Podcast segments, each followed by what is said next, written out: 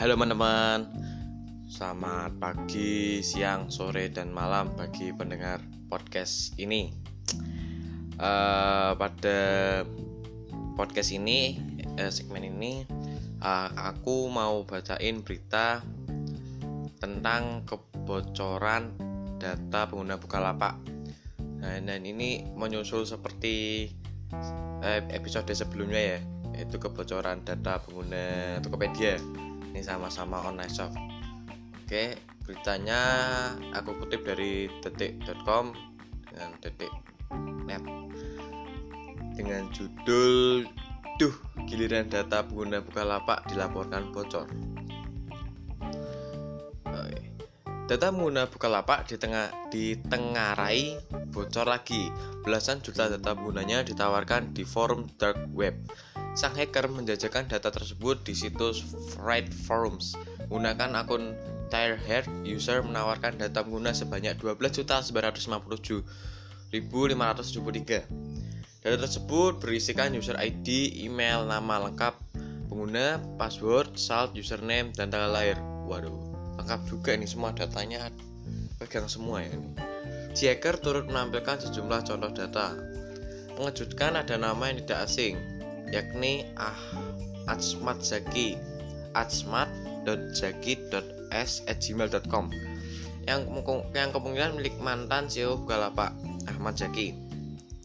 Dan itu ada MFR Ashid 1 at yang dimiliki Fajrin Rasid yang merupakan pendiri Bukalapak. Saat artikel ini tayang, detik Ainet tengah mengontak pihak Bukalapak untuk mengonfirmasi kasus tersebut. Untuk diketahui ini bukan kali pertama Bukalapak diterpa kabar kebocoran data. Sebelumnya Maret tahun lalu belasan juta data pengguna dijual di forum dark web. Oh, beritanya baru segini ya. Oke oke oke. Bentar, uh, ada lagi nih. Oh, bentar bentar. Beritanya lagi dari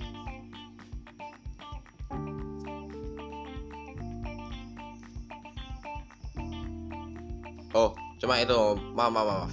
Baru itu baru itu baru oke nanti tunggu lagi di segmen selanjutnya ya. Oke.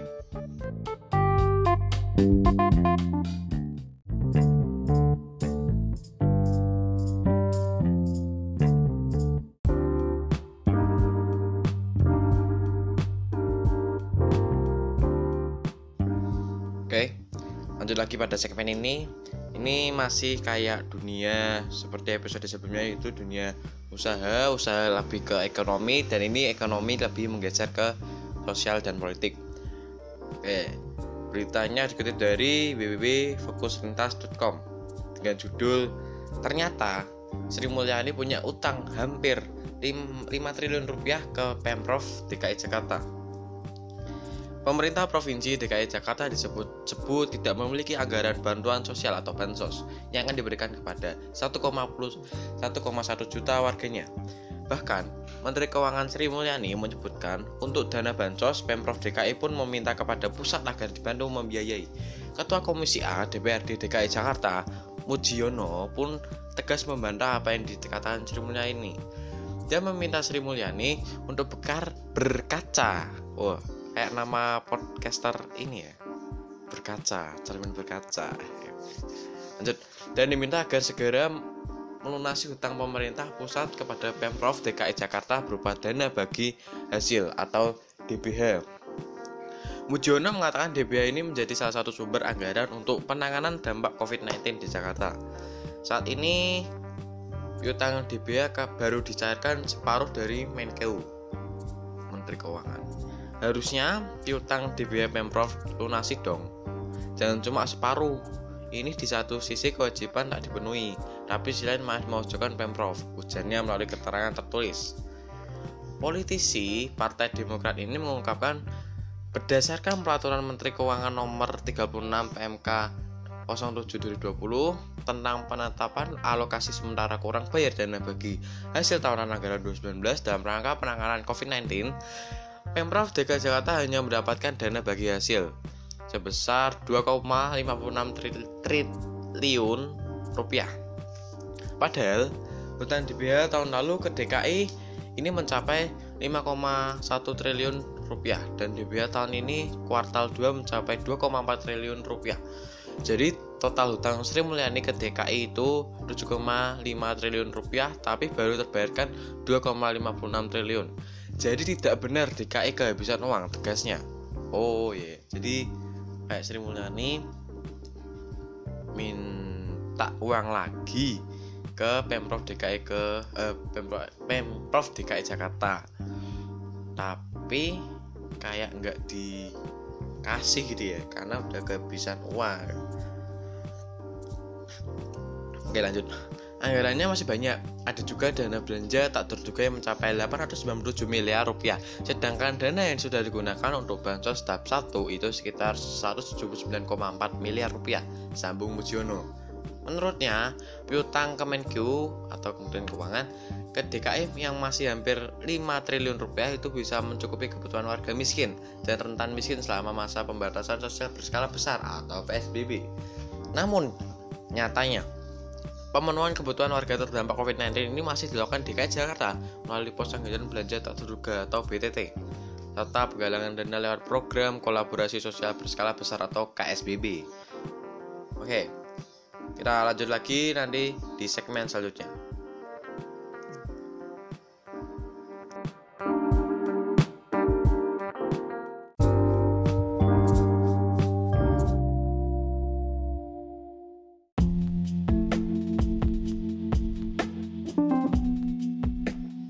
Oke, di segmen ini masih uh, seputar dengan hutangnya Sri Mulyani. Tapi juga ini berhubungan dengan Anies Baswedan kayaknya ini. Kayaknya ya saya belum juga baca lengkapnya. Oke masih sama sumbernya dari www.fokustintas.com dengan judul Sri Mulyani dianggap politis sebut DKI tak punya dana untuk bansos pernyataan Menteri Keuangan Sri Mulyani ini soal DKI yang tak lagi memiliki dana untuk bantuan sosial atau bansos bagi warga Jakarta menuai polemik Wakil Ketua DPRD DKI fraksi Panzita Anjani mengaku menyayangkan pernyataan Sri Mulyani.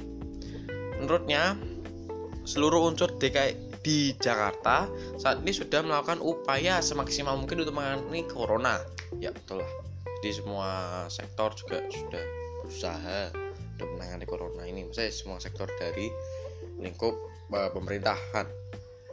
Termasuk lanjut lagi termasuk pemberian bansos dia menilai saling menyalahkan antara pusat dan daerah menjadi wujud kentalnya unsur politis dalam penanganan corona saya sangat menyayangkan pernyataan Menku seolah Pemprov DKI angkat tangan. Ini bukan masalah keuangan atau kinerja. Hindari untuk mewujudkan di saat seperti ini. Rasanya kental politis.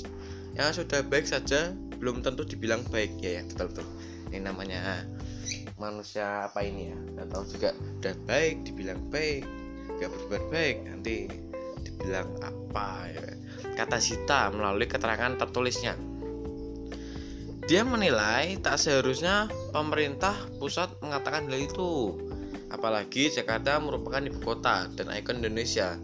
Yang mana jika Jakarta gagal bisa jadi terminal Indonesia secara keseluruhan gagal dalam pemberian bansos. Ya betul. Kalau misalkan ya memang seperti apa ya uh, jendela utamanya atau pintu utamanya Indonesia Jakarta itu. Jadi kayak uh, kalau Jakartanya jelek ya semuanya jelek gitu.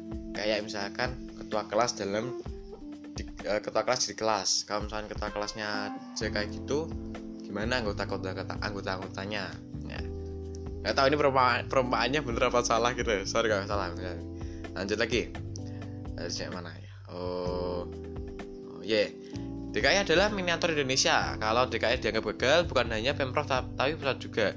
Tetap salah menyalahkan. Masyarakat butuh solusi. Saya berharap ke depannya ada koordinasi yang jelas dari pusat dan provinsi. Tuturnya.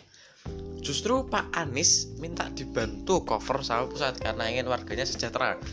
Sekarang sudah bukan soal pencitraan ke publik. Intinya masyarakat harus terjamin kebutuhannya dan wabah segera berlalu. Tambahnya. Dia menganggap DKI sudah berupaya maksimal dengan kondisi pendapatan yang turun hingga 53%. Jakarta masih mengusahakan e, bansos hingga memberi fasilitas gratis bagi perawat. DKI sudah melakukan banyak hal melakukan PSBB dan pendistribusian bantuan sosial pertama kali dilakukan DKI. Pendapatan daerah DKI menyusut sampai 53%, tapi Pak Anies tetap saja fasilitas penginapan dan kebutuhan perawat, ujarnya. Dia berharap ke depannya pemerintah pusat dan pemerintah daerah mampu berkoordinasi lebih baik, hingga pelaksanaan dapat dilakukan dengan lebih baik. Kemarin kami rapat dengan Dinsos, Dinsos apa? Katanya mereka sampai sekarang tidak diberikan data banpres dari Kemensos. Ini kan yang membuat tumpang tindih. Niatnya baik tapi pelaksananya tidak tertata rapi. Jadinya kurang baik ujarnya. So intinya di sini tuh uh, kayak miskom tapi enggak miskom juga. Kayak mm, sindir tapi sindir sindiran juga enggak. Kayak mojokin. Ya kayak kayak ya mereka mojokin karena ada miskom lah. Pokoknya itu kayak eh, nggak uh, tahu apa yang dilakukan sebenarnya tentang uh, Pemprov DKI Jakarta dari Kemenko. Ya ininya gitu. Oke nanti kita lanjut lagi di segmen selanjutnya. ya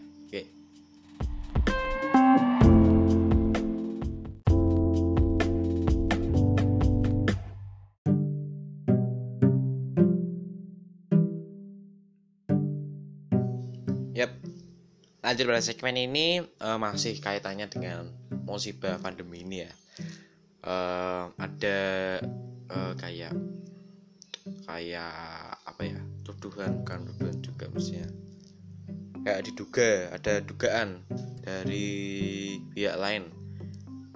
Oke beritanya langsung aja beritanya ya. Dari www.fokuslintas.com lagi oke. Uh, ini saya cuma bacain ya dari berita-berita yang ada biar semoga biar ini bermanfaat juga. Misalkan ini sorry sorry ini aku potong dulu ya. Soalnya kan tingkat literasi di Indonesia juga masih tergolong rendah. So dengan podcast ini dan podcast cermin berkaca ini dengan saya membacakan uh, berita ini uh, para pendengar kalian bisa cukup hanya mendengarkan saja berita yang saya bacakan. Dengan bisa kalian tinggal dengan apa gitu dengan melakukan hal yang lain. Jadi nggak perlu baca-baca lagi cukup saya yang baca dan uh, kalian cukup mendengarkan oke? Okay? lanjut.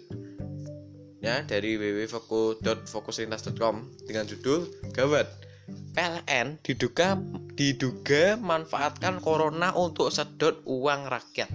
Oke ini dari dengan baca judul aja. Kita itu hmm, gimana ya kok agak kurang percaya gitu. Padahal udah bagi-bagi kayak listrik gratis selama tiga bulan depan. Dari mulai apa ya?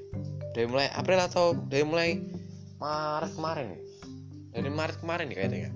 Tiga dari uh, buat yang apa? 400 volt sama yang berapa 900 ya?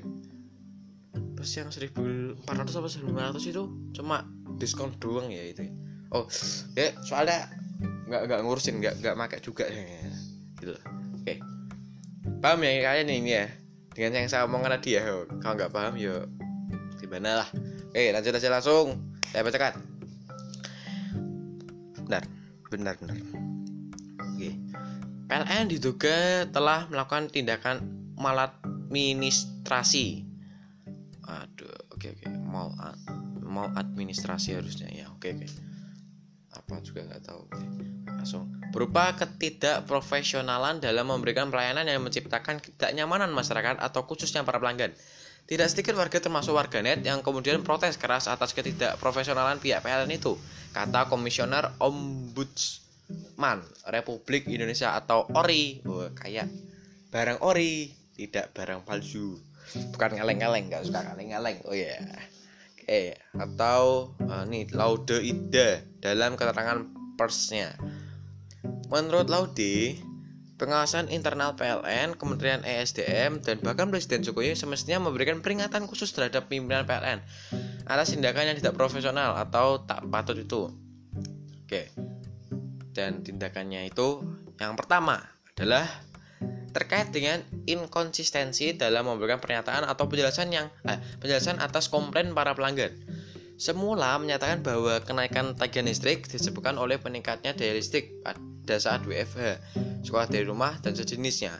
Eh, pada hari-hari terakhir malah mengakui ada tambahan pembayaran sebagai carry over dari pemakaian pada bulan-bulan sebelumnya, kata Laude. Wah, ini gawat.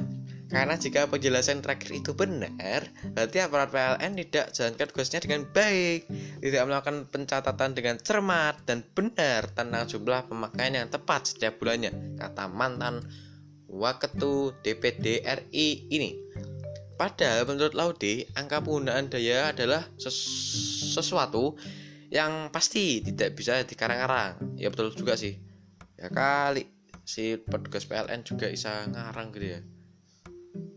Misalkan kalau petugasnya PL-nya PLN-nya ngarang terus si yang punya rumah tahu kalau misalnya tugasnya PLN itu ngarang tuh petugasnya sendiri yang berapi loh taunya petugasnya penggunaannya banyak padahal si punya rumah jarang di rumah jadi jarang pakai listrik malah sering luar kotanya. Nah itu ah, kecentok itu aduh aduh, aduh. oh iya, iya. Lanjut lanjut. Maka sekali lagi jika pernyataan itu tidak itu benar sudah jelas pihak PLN hanya berspekulasi dalam menentukan jumlah tagihan setiap bulan. Sungguh sangat memprihatinkan dan tidak pantas dipertahankan sebagai aparat yang berada pada lembaga penyelenggara pelayanan publik untuk kebutuhan prima dari rakyat katanya. Hal kedua Menurut Laude, terkait dengan yang pertama yakni patut juga kuat bahwa pengenaan tagihan pada bulan Mei 2020 ini adalah produk kerja spekulatif itu. Karena boleh dengan seenaknya menaikkan tagihan pada bulan Mei tanpa didasarkan fakta real penggunaan di lapangan. Betul, betul, betul. Menaikkan tagihan tapi tanpa fakta itu seenaknya ya kayak kayak bukan korupsi ya kayak eh uh, kayak kalau dalam dalam dunia jualan tuh kayak uh, gini aja lah. Simpelnya kayak kurir.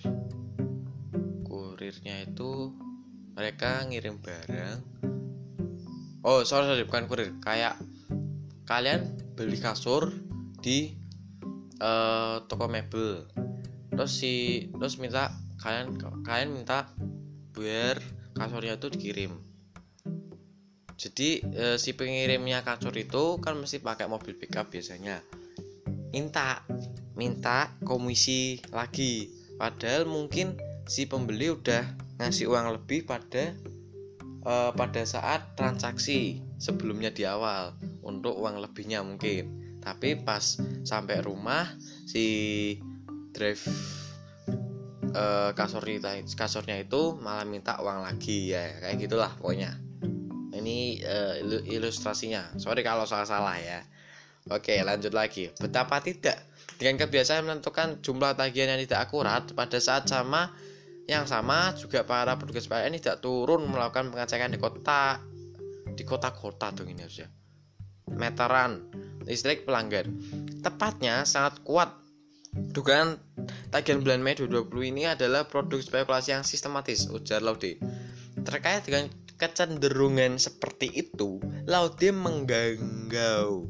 Perlu investigasi lebih la, lebih jauh untuk mengetahui ada apa atau apa sesungguhnya yang terjadi di intern PLN atau oke okay, oke. Okay. berarti ini maksudnya atau ini suruhan suruhan dari kepala PLN atau memang petugasnya yang nakal atau gimana dalam uh, internnya PLN sendiri oke. Apa ada unsur kesengajaan dengan memanfaatkan momentum COVID-19 untuk secara paksa menyedot uang rakyat?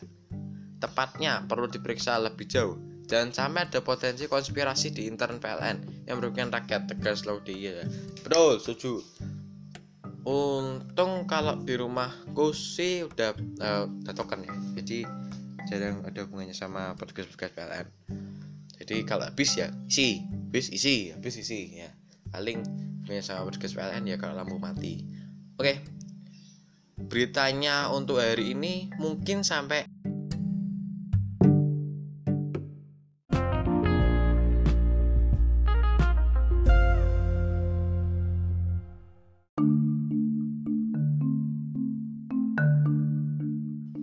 Oke teman-teman, maaf kalau sebelumnya segmen sebelumnya uh, agak kepotong ya.